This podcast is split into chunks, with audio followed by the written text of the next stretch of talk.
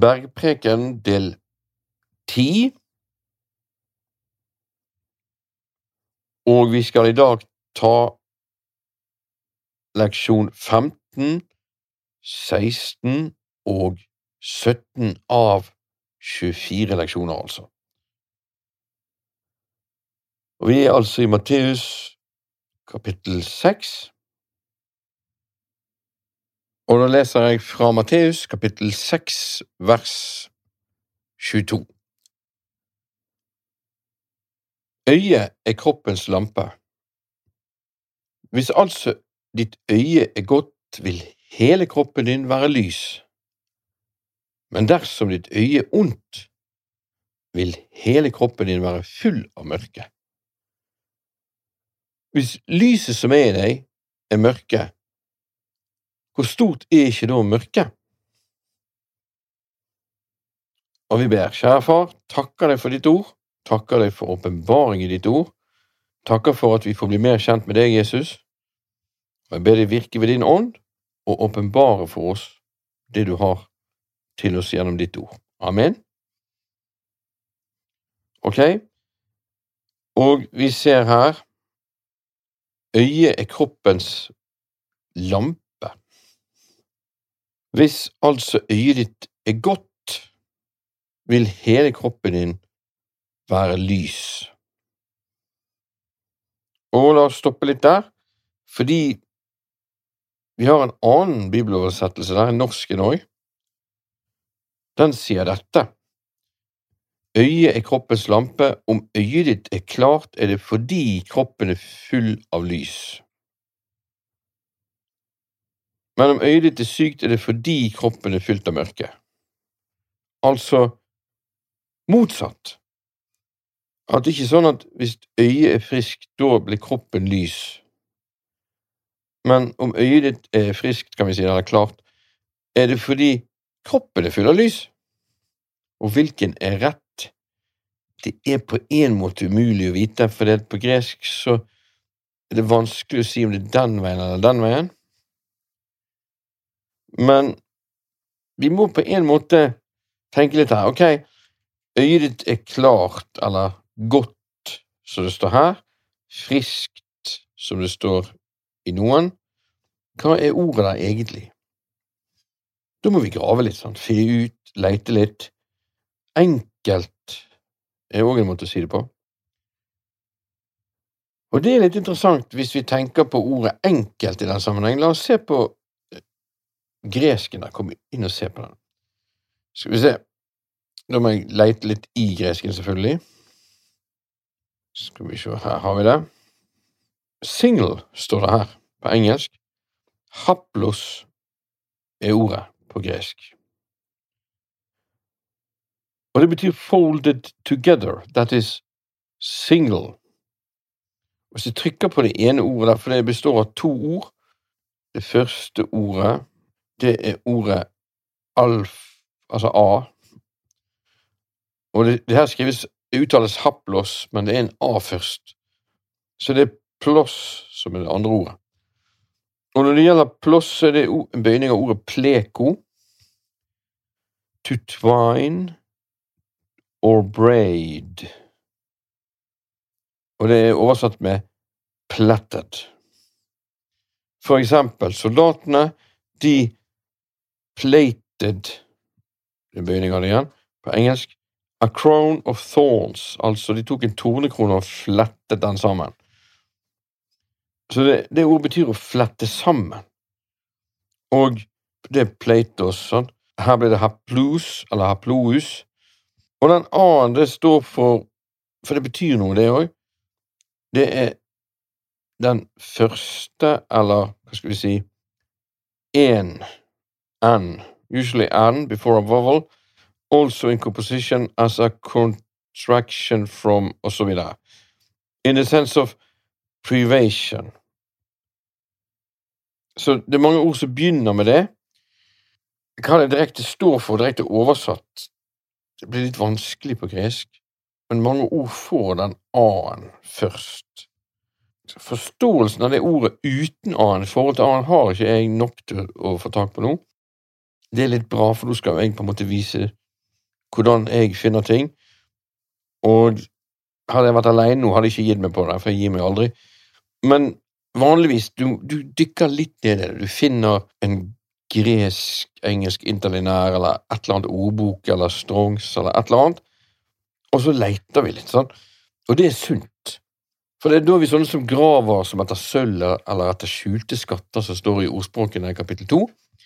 Og da kjenner vi Herrens frykt og finner kunnskap om Gud, som vi jo trenger. Så jeg er alltid detektiv, alltid er jeg en arkeolog, jeg er alltid en som må finne ut av alt. Og Gud liker det mye, merker jeg, for det gjør at jeg grunner på Hans ord, dag og natt, og det igjen, ja, det kan du lese om i Salme 1. Altså, the light of the body is the eye, if therefore thine eye be single. Men la oss gå tilbake til den norske versjonen. For det at hvis øyet ditt er helt, eller enkel, er helt eller single not, Det er jo det samme som ikke double. Hva skjer hvis øyet er dobbelt? Det er jo bra, man må jo ha to øyne, kan man si. Jo, men her menes det hva du ser på.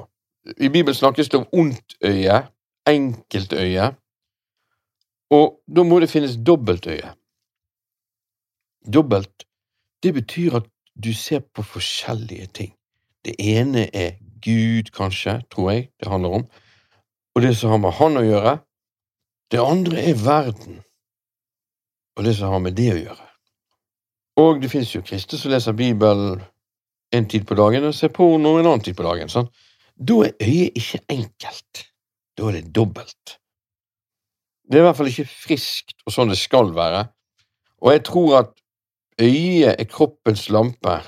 Det blir veldig rart da hvis denne ene oversettelsen, som er den som, eh, som eh, det norske bibelselskapet har Hvis det da er sånn øyet er kroppens lampe, hvis øyet ditt er godt, er det fordi hele kroppen din er lys. Det blir veldig rart hvis øyet er lampen. Da er det akkurat som øyet skal lyse utover, da, til folk som møter deg, liksom. Jeg tror det er feil. Jeg tror ikke Det gir ikke mening, selv om man på gresk ikke klarer helt å se hvilken av de to som er korrekt oversettelse, om det er slik at hvis ditt øye er godt, friskt eller helt, kan vi si, så vil hele kroppen være lys, eller om det skal være det at hvis øyet ditt er friskt, godt eller enkelt, kan vi si, så er det fordi kroppen din er lys. Det gir på en måte ingen mening, at først så står det jo øyet er kroppens lampe. Og det er jo ikke sånn at kroppen da, hvis den er lys Altså, øyet ditt er friskt hvis kroppen er lys. Eller er det det? at da fungerer ikke lampen din fordi kroppen din ikke er lys. Men hvis den er lys, da, da er øyet friskt. Så hvis du er lys allerede, ja, da vil du se på gode ting. Det kan bety det. Flott. Det stemmer jo litt. Jesus sa, dere er verdens lys. Dersom vi vandrer i lyset liksom han er lys, da har vi samfunn da har jeg alltid tenkt at ja, han er lys, og når vi er nærmt han, da er vi lys. Men Bibelen sier faktisk flere steder at ikke bare er vi lysets barn, men vi er lys, vi er det allerede. Og da er det litt sånn, hvor mange kristne er det som tenker det om seg sjøl i dag, at jeg er lys? I åndeverdenen jeg kommer gående, så lyses det opp samme hvor jeg går. Og det er synlig. Englene ser det, demonene ser det. Jeg ser det ikke. Og noen folk, de merker det. For jeg er nemlig lys, for jeg er i Kristus Jesus. Og det er klart at jo mer jeg vet om det, jo lettere er det for meg å se på det som hører lyset til, ikke på det feile. Så sånn sett så er jo ikke det feil, den Det norske bibelselskapets oversettelse på akkurat det der. Selv om jeg mener de har en god del feil på en del andre ting, men det har jo faktisk nesten hver eneste bibeloversettelse, har jeg funnet ut. For jeg går jo alltid inn i gresken og sjekker. Jeg er veldig nøye på det, fordi for eksempel forsikring. sant? Ja, Du vil vite hva det betyr, og hvor tid de eventuelt erstatning og Du vil ikke ha noen små skrift med noe ekstragreier som ikke du fikk med deg. Du vil vite hva det handler om. Og dette er jo virkelig forsikring. Jeg vil ikke gå der ute i felten og gå på noe som jeg tror er Gud i Bibelen, som ikke jeg har lest ordentlig skikkelig, og så er ikke det Gud. Nei, jeg må jo gjerne satse livet mitt på denne boken og det som står der, og gjerne andre sitt òg, hvis det står om liv og død, og Gud kan bruke meg til å redde noen. Jeg må vite hva som står i Bibelen. Du har gitt oss ditt ord for at vi skal granske det nøye, står det i ordspråk. Nøye er nøye. Og du vil ikke være sånn overfladisk bibelleser. Nei, jeg vil sette meg inn i det. Jeg vil heller ikke lære bibelvers uten at det egentlig ikke er bibelvers, for det er feil. Og hva skal vi si her, da? Er det slik at øyet er helt skråstrek, enkelt skråstrek, um, friskt, fordi kroppen min er lys? Men hvis kroppen min ikke er lys, da blir øyet mitt ondt? Ja, det er jo klart det at tenker du om deg sjøl at du er en god mann eller en god kvinne, så er det mye lettere å fokusere på det gode. Og tenker du at du er en ond mann eller ond kvinne, da vil du begynne å tenke på det onde. Det har med identitet å gjøre. Så ja, jeg kan ikke si at det er feil den veien der. Men la oss snu på det andre veien, da. Øyet er kroppens lampe. Hvis altså ditt øye er enkelt, skråstrek friskt, skråstrek godt, som det står her, eller helt, kan vi si, vil hele kroppen din være lys. Med andre ord, jeg holder blikket mitt på det som har med, har med Gud å gjøre, hører Guds rike til. Får jeg en sunn kropp, da? Det står ikke hjertet her vil være lys, men kroppen står det.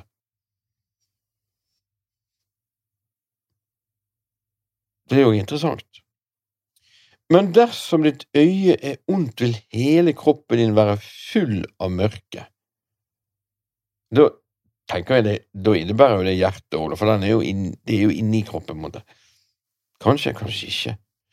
Hvis lyset som er i deg, er mørke, hvor stort ikke da mørket? Altså, med andre ord, hvis mitt øye er ondt,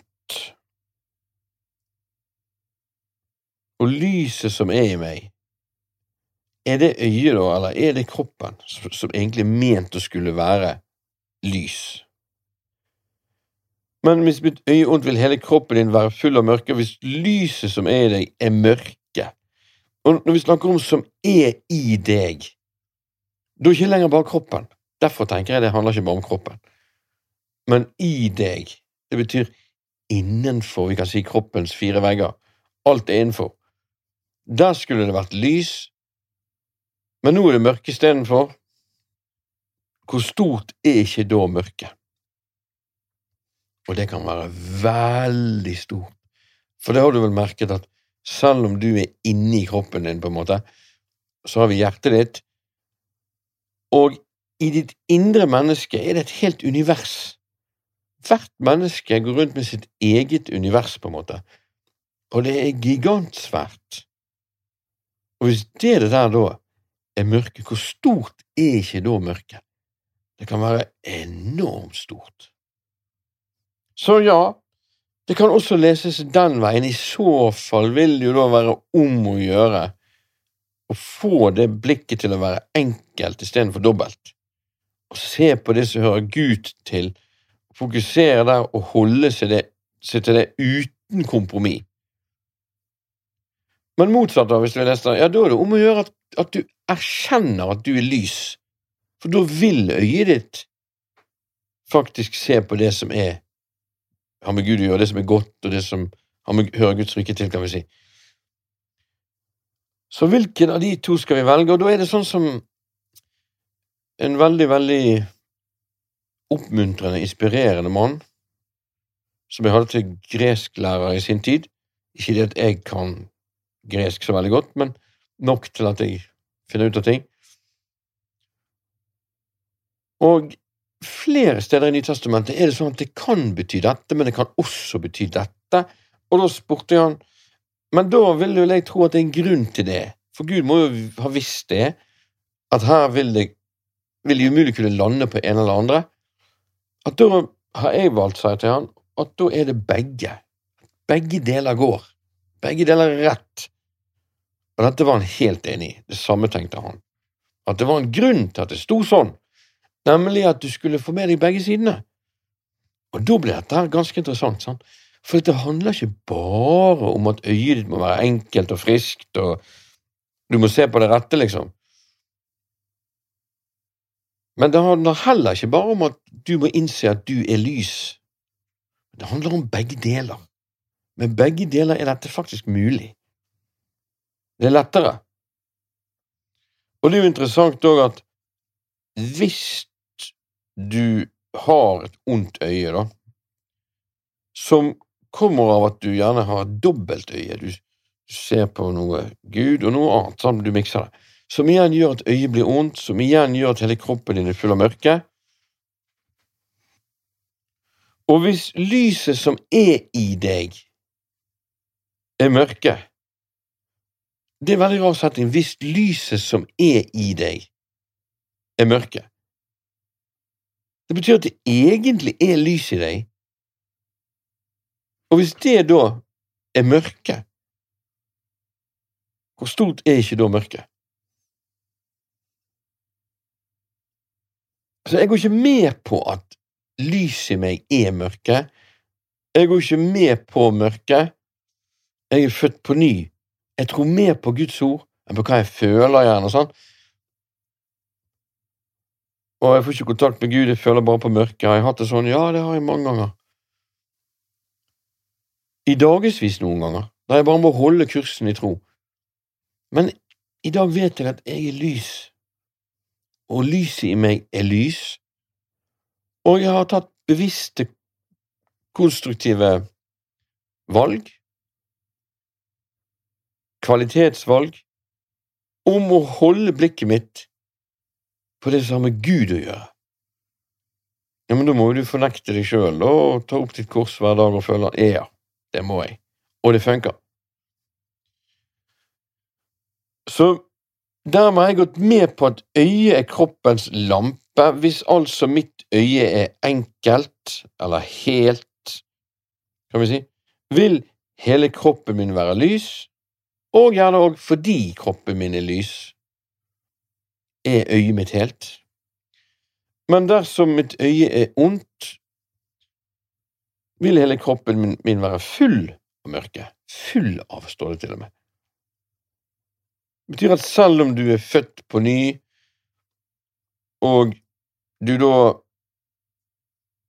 ja, fokuserer feil, du begynner å se på det feile, det vil være fullt av mørke, og det vet vi jo. Innenfra fra menneskehjertet er det det onde kommer.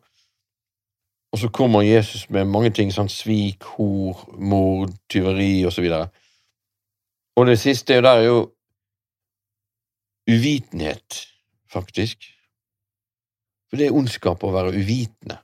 Eller som det står i ordspråket der, hvor lenge vil dere enfoldige elske enfoldighet?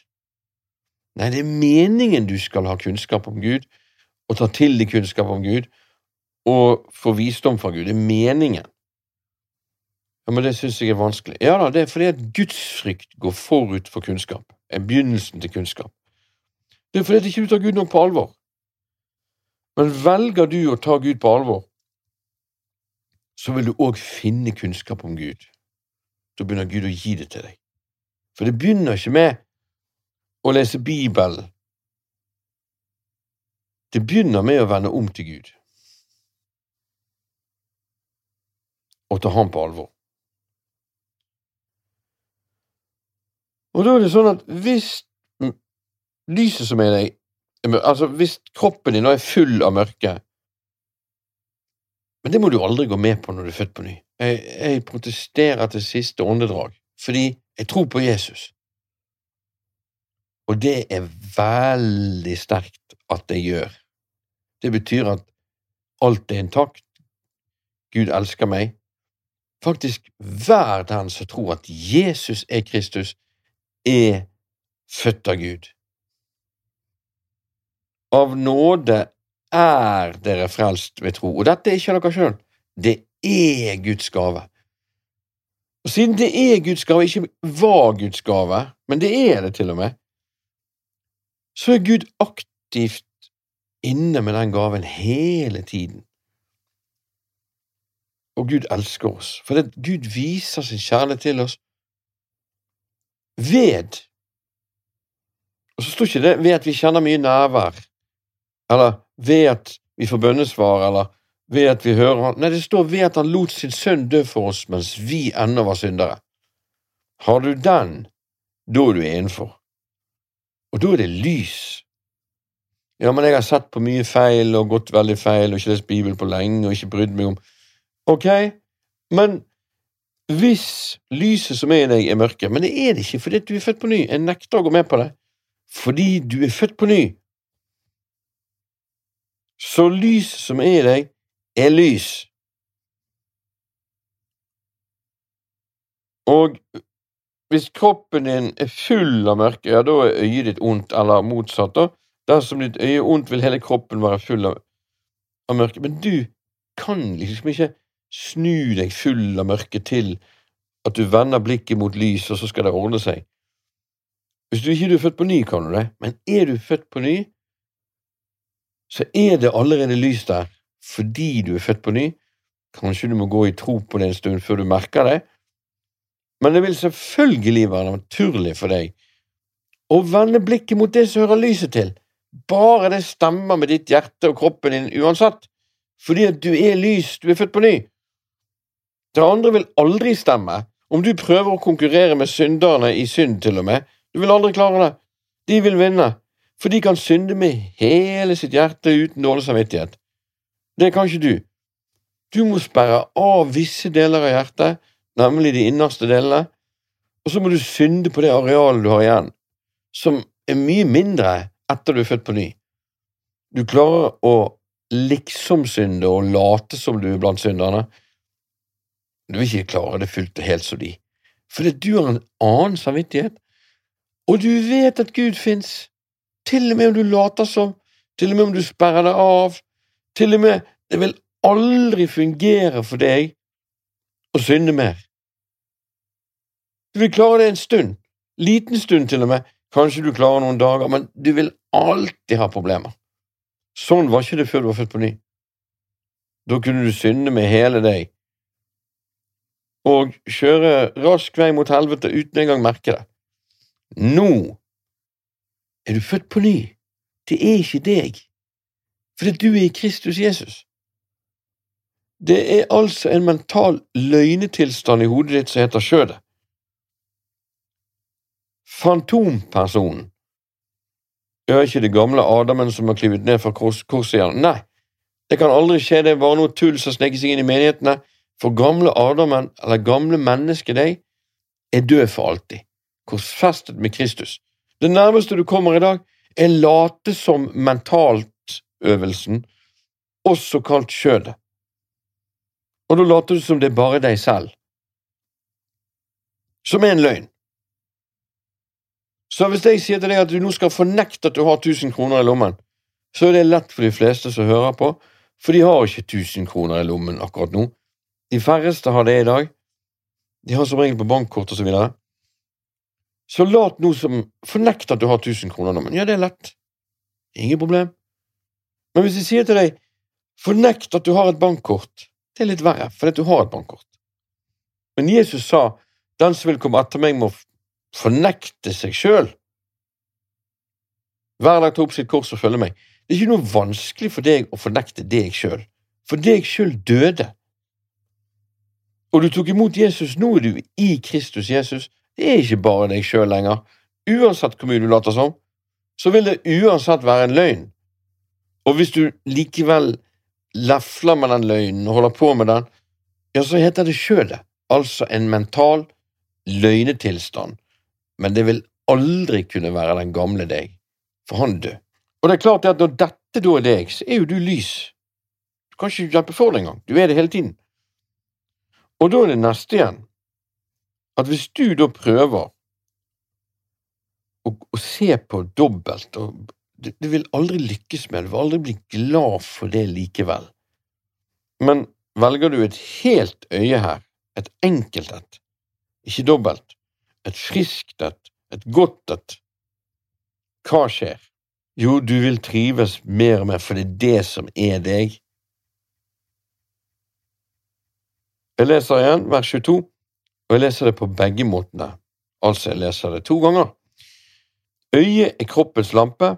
Hvis altså ditt øye er helt eller friskt, vil hele kroppen din være lys. Men dersom ditt øye er ondt, eller vi kan også si det er sykt, vil hele kroppen din være full av mørke. Hvis lyset som er i deg, er mørke, hvor stort er ikke da mørket? Og så leser jeg det på andre måten. Øyet er kroppens lampe. Hvis altså ditt øye er godt eller friskt eller helt, kan vi si, er det fordi kroppen din er lys. Men dersom øyet ditt er ondt eller sykt, er det fordi kroppen din er full av mørke. Hvis lyset som er i deg, er mørke, hvor stort er ikke da mørket? La oss se dette litt utenfra. Her er det to deler, øyet og kroppen. Den ene vil ikke være lys hvis det ikke den andre er det, og vi kan si motsatt. Men så får du en sånn gratisstart av Jesus, da, sant? fordi at du er født på ny. Gud gjorde det med deg. Du ble tatt ut av mørkets makt og satt over igjen i Hans elskede Sønns rike. Og du er født ovenifra, fra lysenes far. Og vet du hvorfor? Fordi at all god gave kommer ovenifra, fra lysenes far. Og du er en god gave, du, nå. Så da er det sånn at for deg er det naturlig å ha blikket festet på lyset. Det gjelder selvfølgelig ikke hvis du våkner en morgen og ikke tror på Jesus. Da trenger ikke du tenke på dette mer i det hele tatt. I Han har alle løftene fått sitt ja og amen, og du er ikke da i Han lenger i så fall.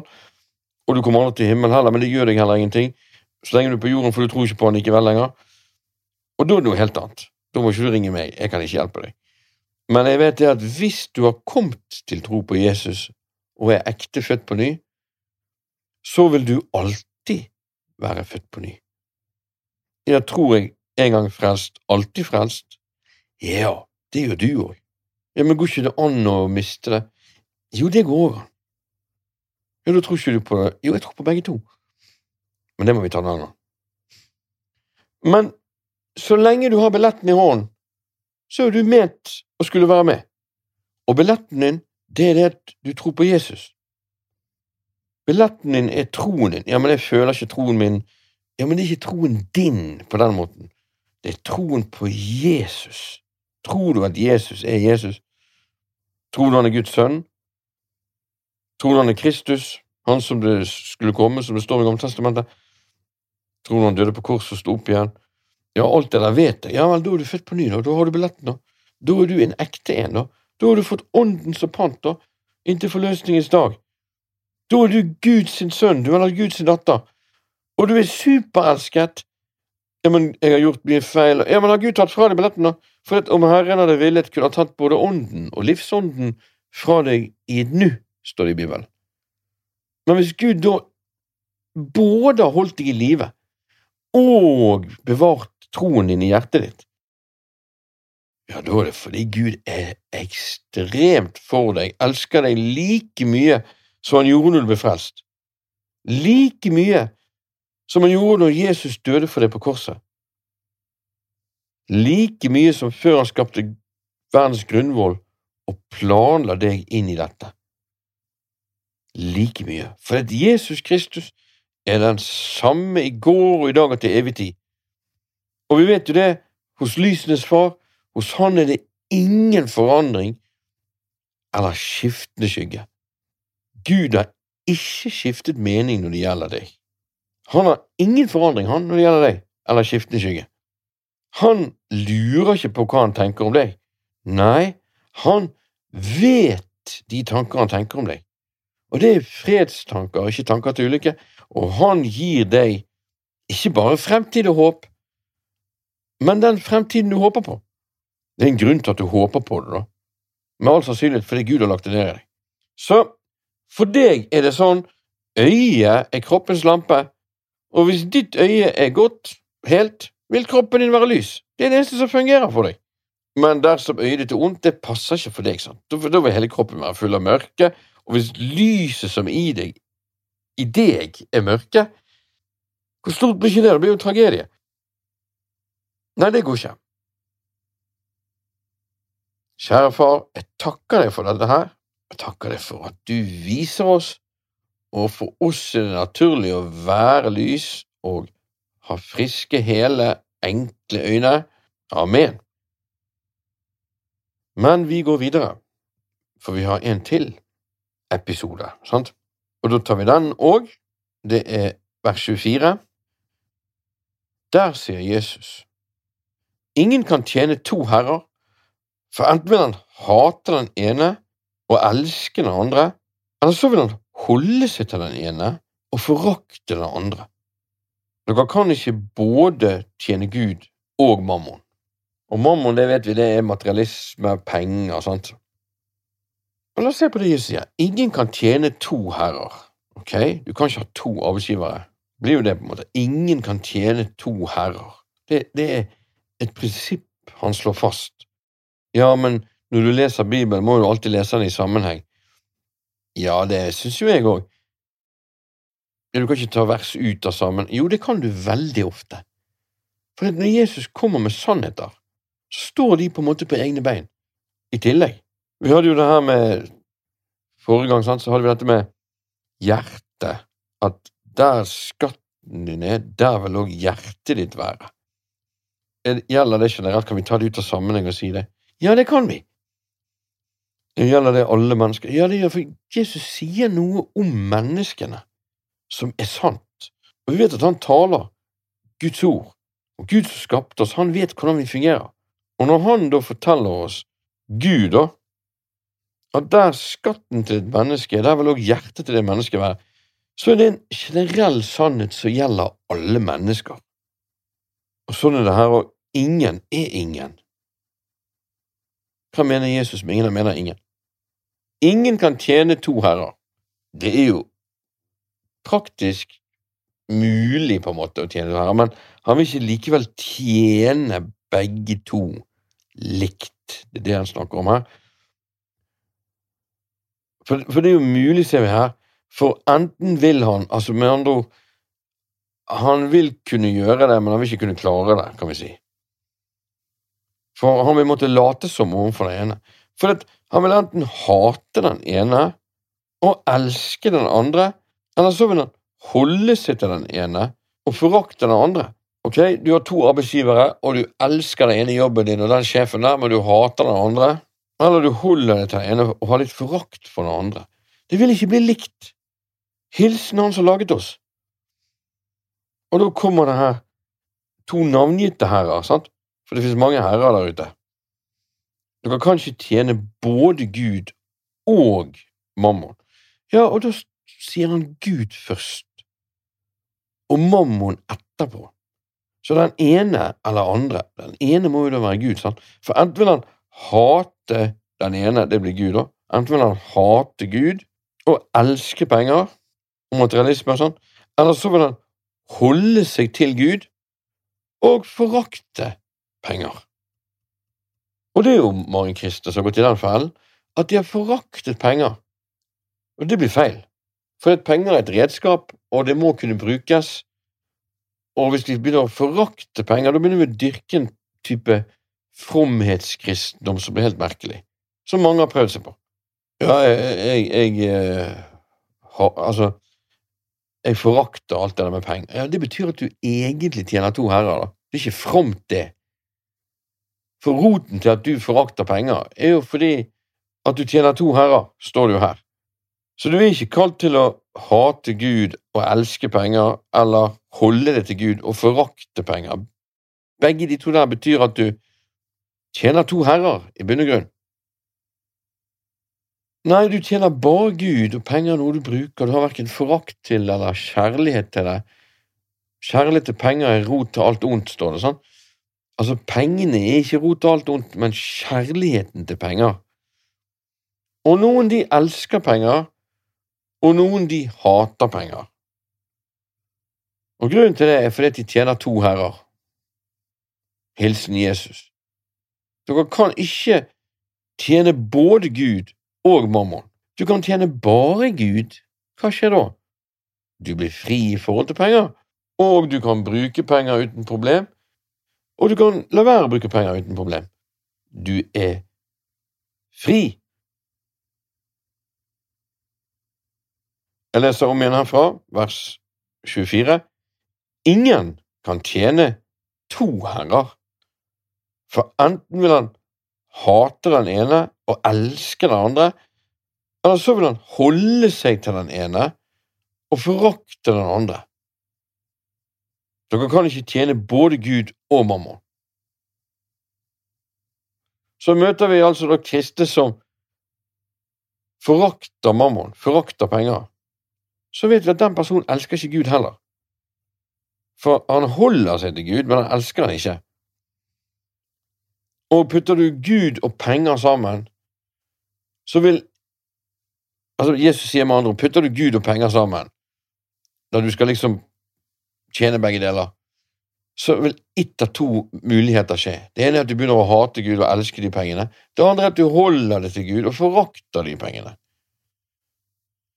Ingen av de to løsningene er god. Amen. Og når vi da går gjennom bergpreken, skal vi bygge huset på fjell. Hvordan bygger vi huset på fjell her, da? Jo, vi må jo ta på alvor det, da. Er du en som tjener to herrer, eller har du gitt deg helt til Gud? Det må jo du finne ut av, selvfølgelig. Um, gjerne på kne, og la Gud lyse opp kamrene i ditt indre hjerte. Avslør hjertets tanker og motiver. sånn.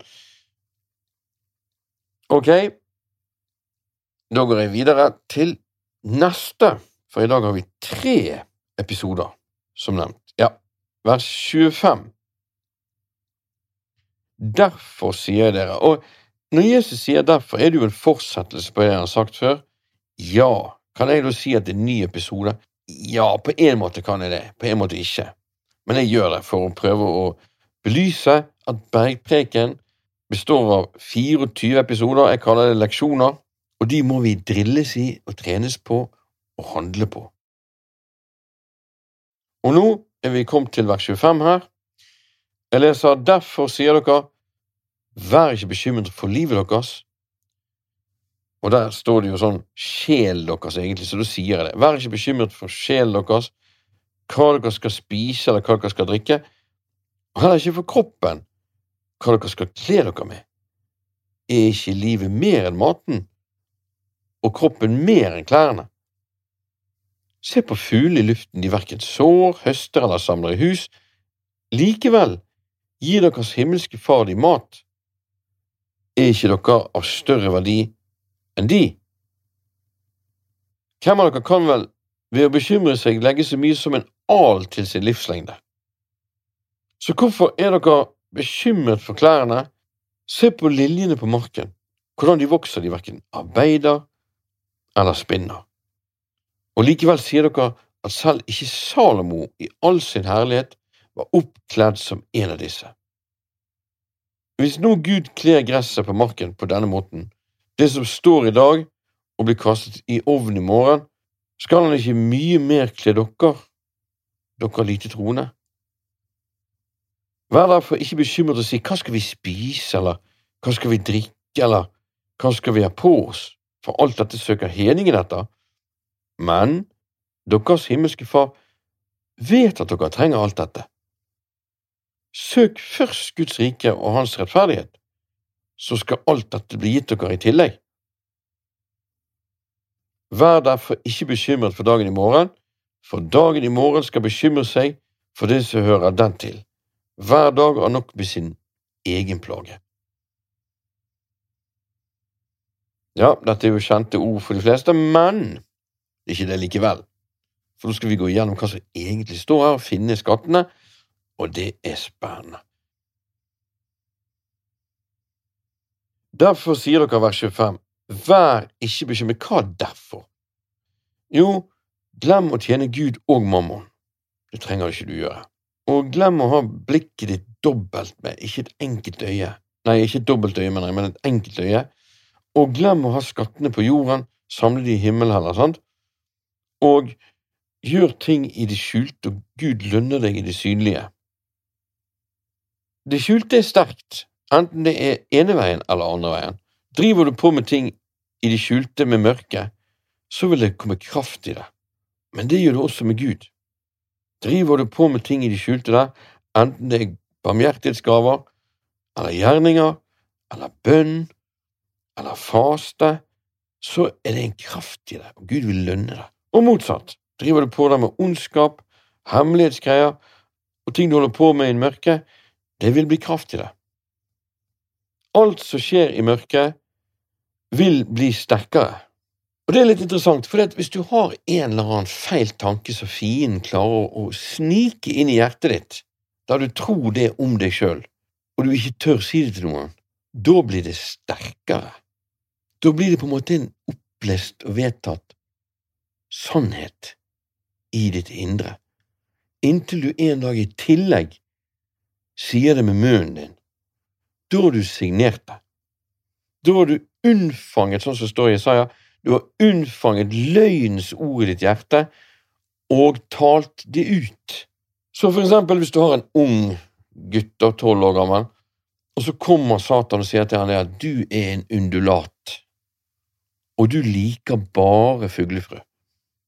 Dette er et ekstremt eksempel, selvfølgelig, men hvis han da kjenner litt sånn krefter på det For i ungdommen kjenner du mye rart. sånn. Du kan bli forvirret. Du kan tenke at Wow, kanskje jeg er en undulat? Og så får du denne undulattanken, og så nøster den inni deg, og så blir den sterkere og sterkere. Og så en dag, da, når det har gått flere år, så står du frem og forteller verden at du er en undulat. Og da tror du på det, til og med. Og med en gang du sier det med munnen òg, da er det signert. Og da er det sånn at da har du allerede det har vokst på seg fordi du holdt hemmelig det at du var undulat i mange år, og det gjorde at det ble sterkere, for det var litt sånn fy-fy å komme ut med at du var undulat, liksom. I hvert fall når du ikke er undulat, sånn. Og så en dag så står du frem og forteller at du er en undulat, og da kan folk si ja, men det er du ikke, og jo da, det er du. Men Sannheten der er jo det at du har unnfanget løgnens ord i ditt hjerte og talt det ut, og siden du holdt det hemmelig lenge før du talte det ut, så ble det sterkere inntil du til og med kjente det sånn, og du fikk lyst til å sitte i bur, og du fikk lyst til å spise frø, og du fikk lyst til å Ja, det er et eksempel. Men jeg er ganske sikker på at det er sånn det fungerer, og jo mer fy-fy det er, jo mer forbudt det er i mørket, jo mer hemmelig blir det, jo sterkere blir det. Det kan være en som er Pedofil, hvordan ble han det? Det begynte et sted. Han fikk en tanke, han kjente fy-fy, men han kjente òg litt spenning på det, han trodde på det, han tørde ikke snakke med noen om det, etc., etc. Så det som skjer i hemmelighet, det er sterkt, enten det er mørkevarianten og løgn, eller sannhetsvarianten og lys. Enten det er deg alene i mørket, men det blir jo ikke alene da, for det er alltid krefter i deg, eller det blir deg i lys med Gud. Og så kommer Jesus med 'derfor sier jeg dere'.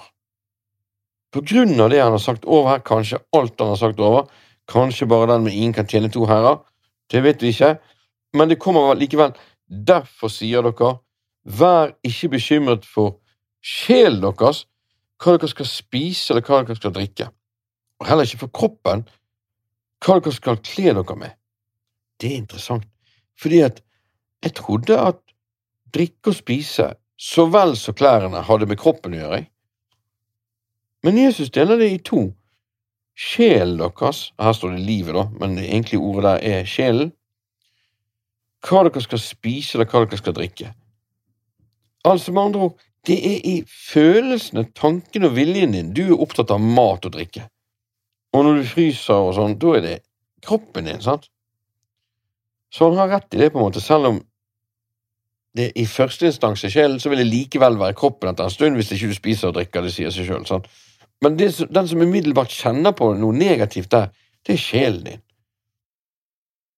Og her er det en befaling. Vær ikke bekymret for sjelene deres, står det egentlig noe sånt. Hva dere skal spise, eller hva dere skal drikke, og heller ikke for kroppen hva dere skal kle dere med. Det er lett å si til en kvinne som står der med og skal inn og velge kjole, og så føler hun har brukt opp alle kjolene for lengst, og at Vær ikke bekymret for hva du skal kle deg med. Gjelder det da òg?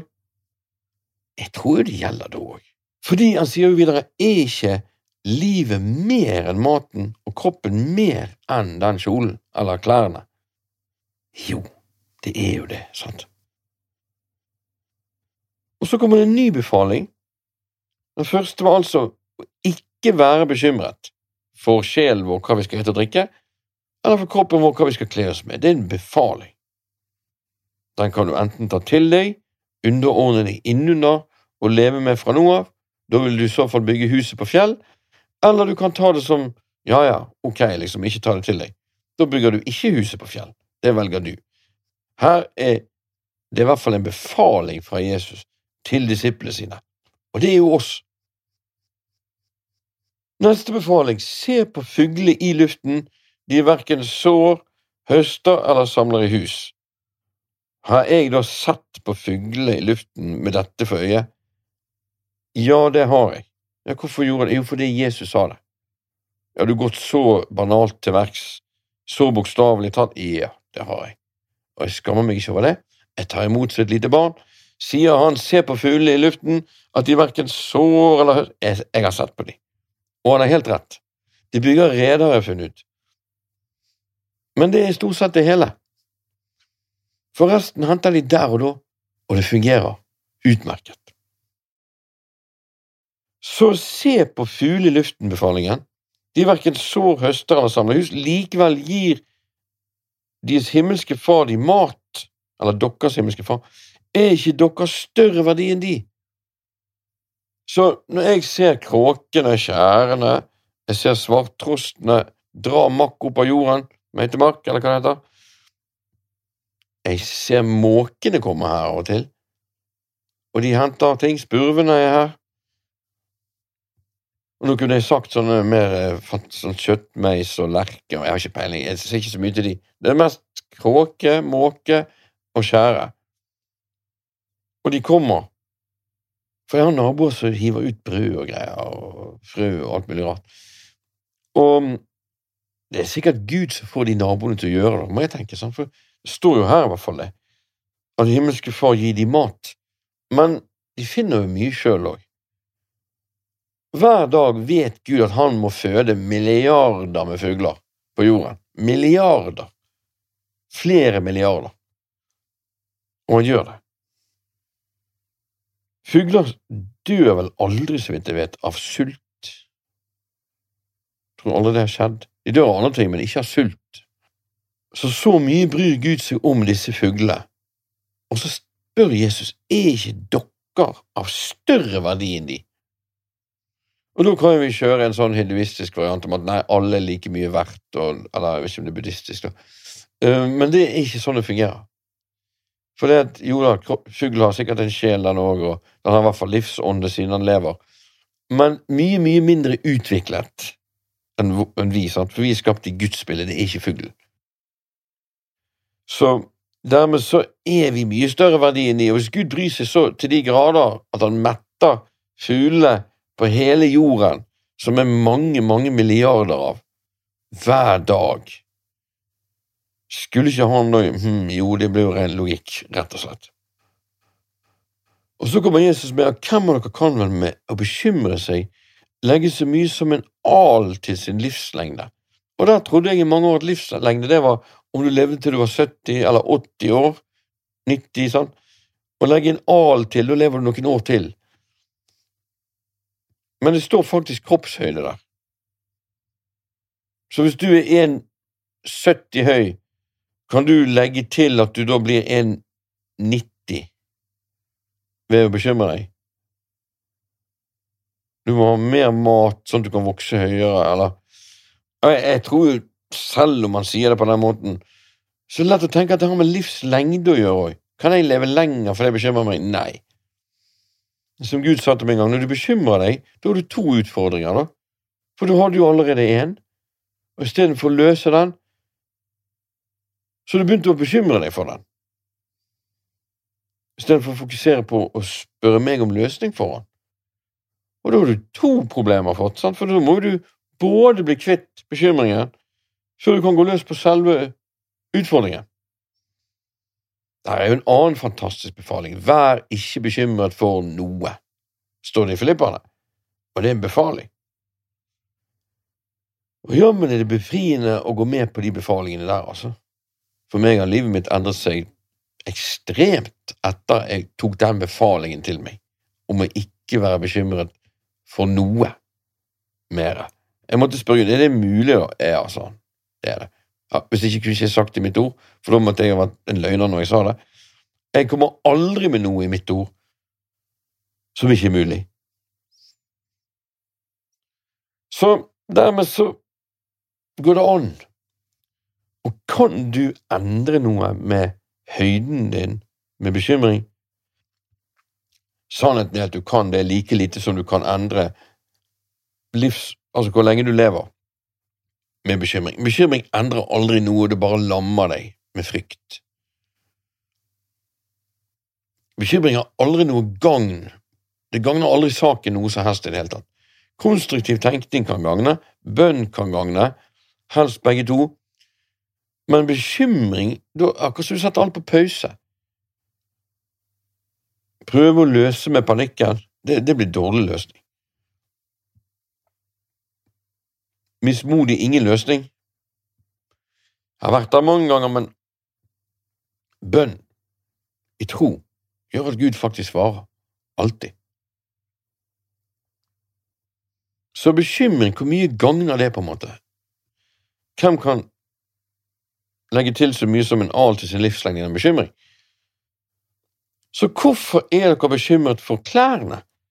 Og der kommer en ny befaling. Se på liljene på markene.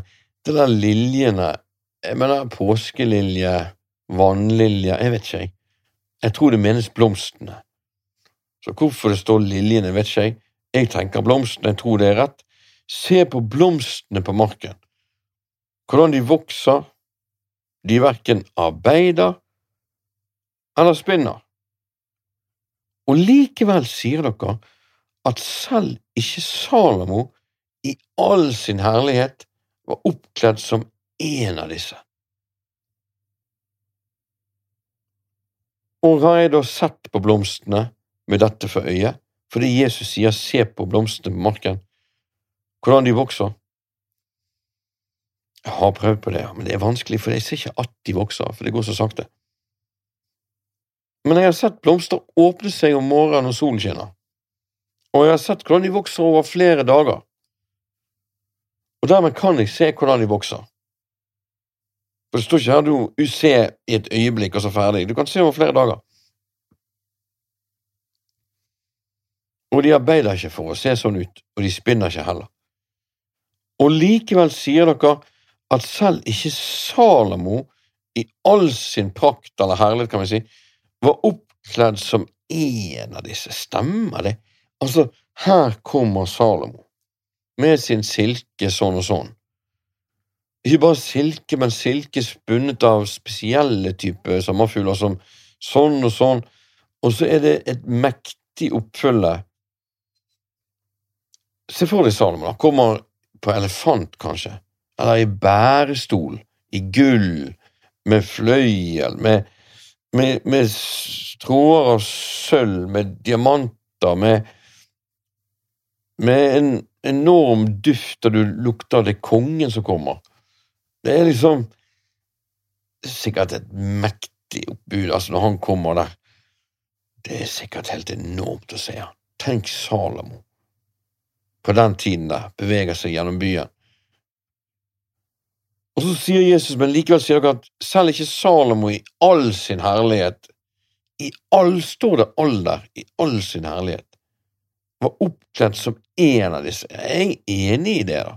Altså, Hvis vi ser på en rose, for eksempel, eller en prestekrage, er de mer fantastisk kledd enn Salomo var? Jeg syns ikke det. Jeg synes jo Salomo var altså, På en måte syns jeg jo det, fordi blomsten er så ekte, så naturlig vakker, så enormt spesiell at jeg hadde ikke klart å lage det. De lager jo kunstige blomster i dag, men du klarer alltid å se at det er kunstige blomster. Jeg har aldri sett noen klare å lage kunstige blomster der det er på nært hold, og når du kjenner på dem med fingeren, så er det wow, er denne ekte eller ikke ekte? Nei, Du finner fort ut at den er falsk. Så ja, jeg er nødt til å være enig med Jesus dette. Vi kom til 2024, og likevel klarer ingen å lage blomster som folk tror er blomster. For så spesielle er de. Og det overgår så jeg er enig. Jeg er enig. Og hvis nå Gud har kler gresset på marken, altså med blomstene på, da, på denne måten Det som står i dag og blir kastet i ovn i morgen, blir gress kastet i ovn.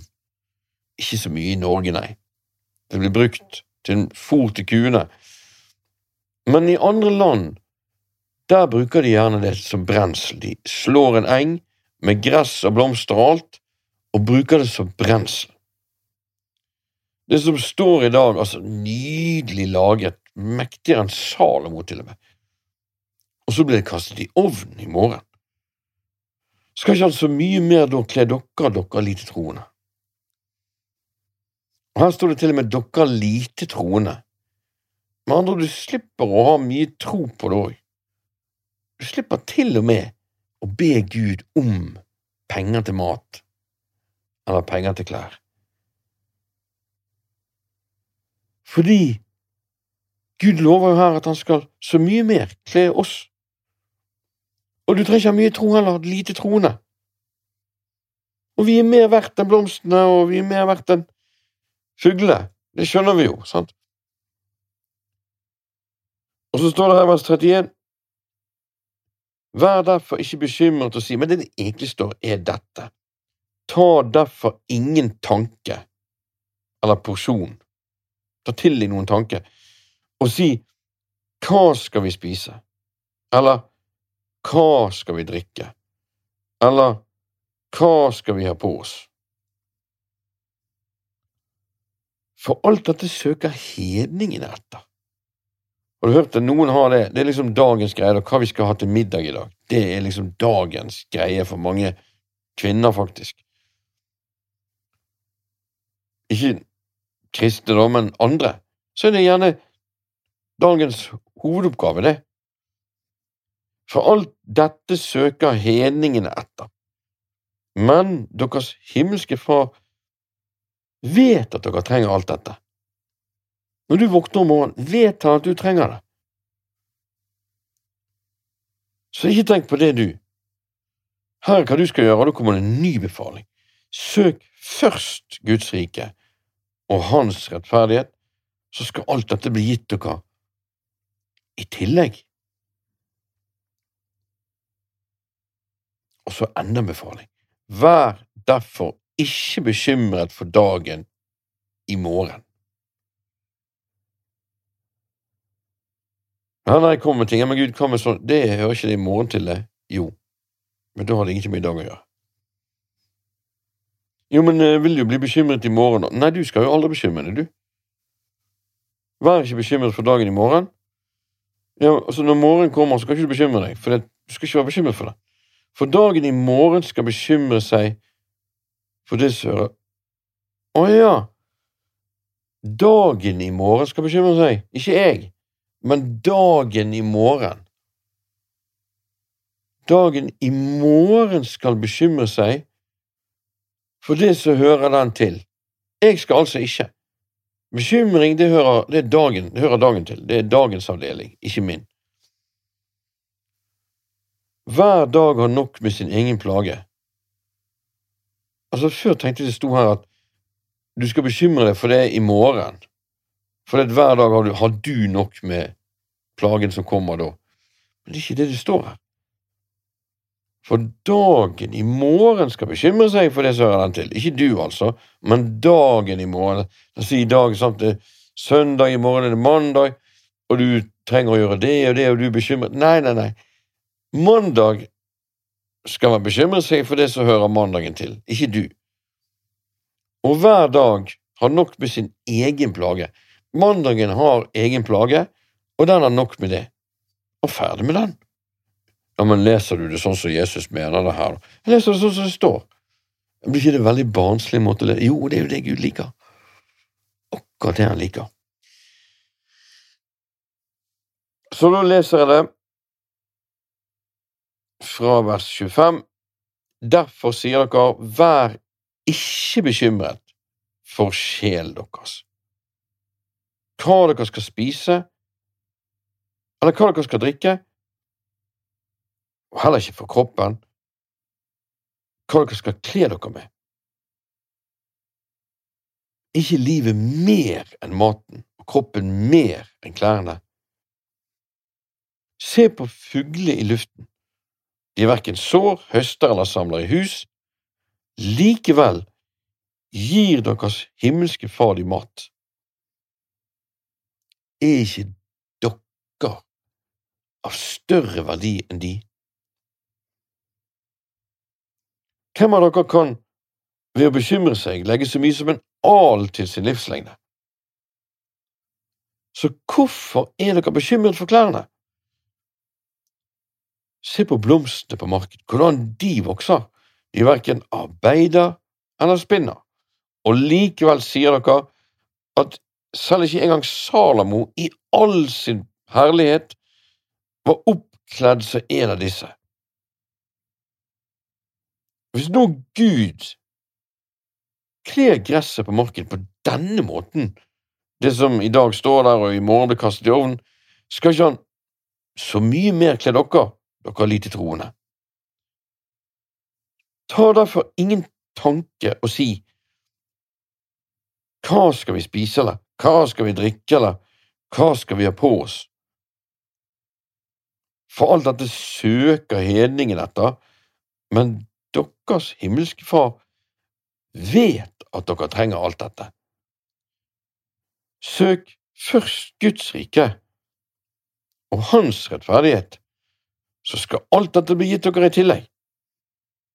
Vær derfor ikke bekymret for dagen i morgen.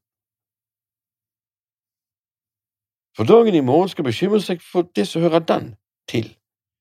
Hver dag har nok med sin egen plage. Halleluja, kjære far, takker for ditt ord, og jeg ber deg velsigne oss med dette, at vi kan ta til oss disse befalingene, krysse av, kan vi si, på at vi har handlet på dem, og leve dem sånn som du sier her.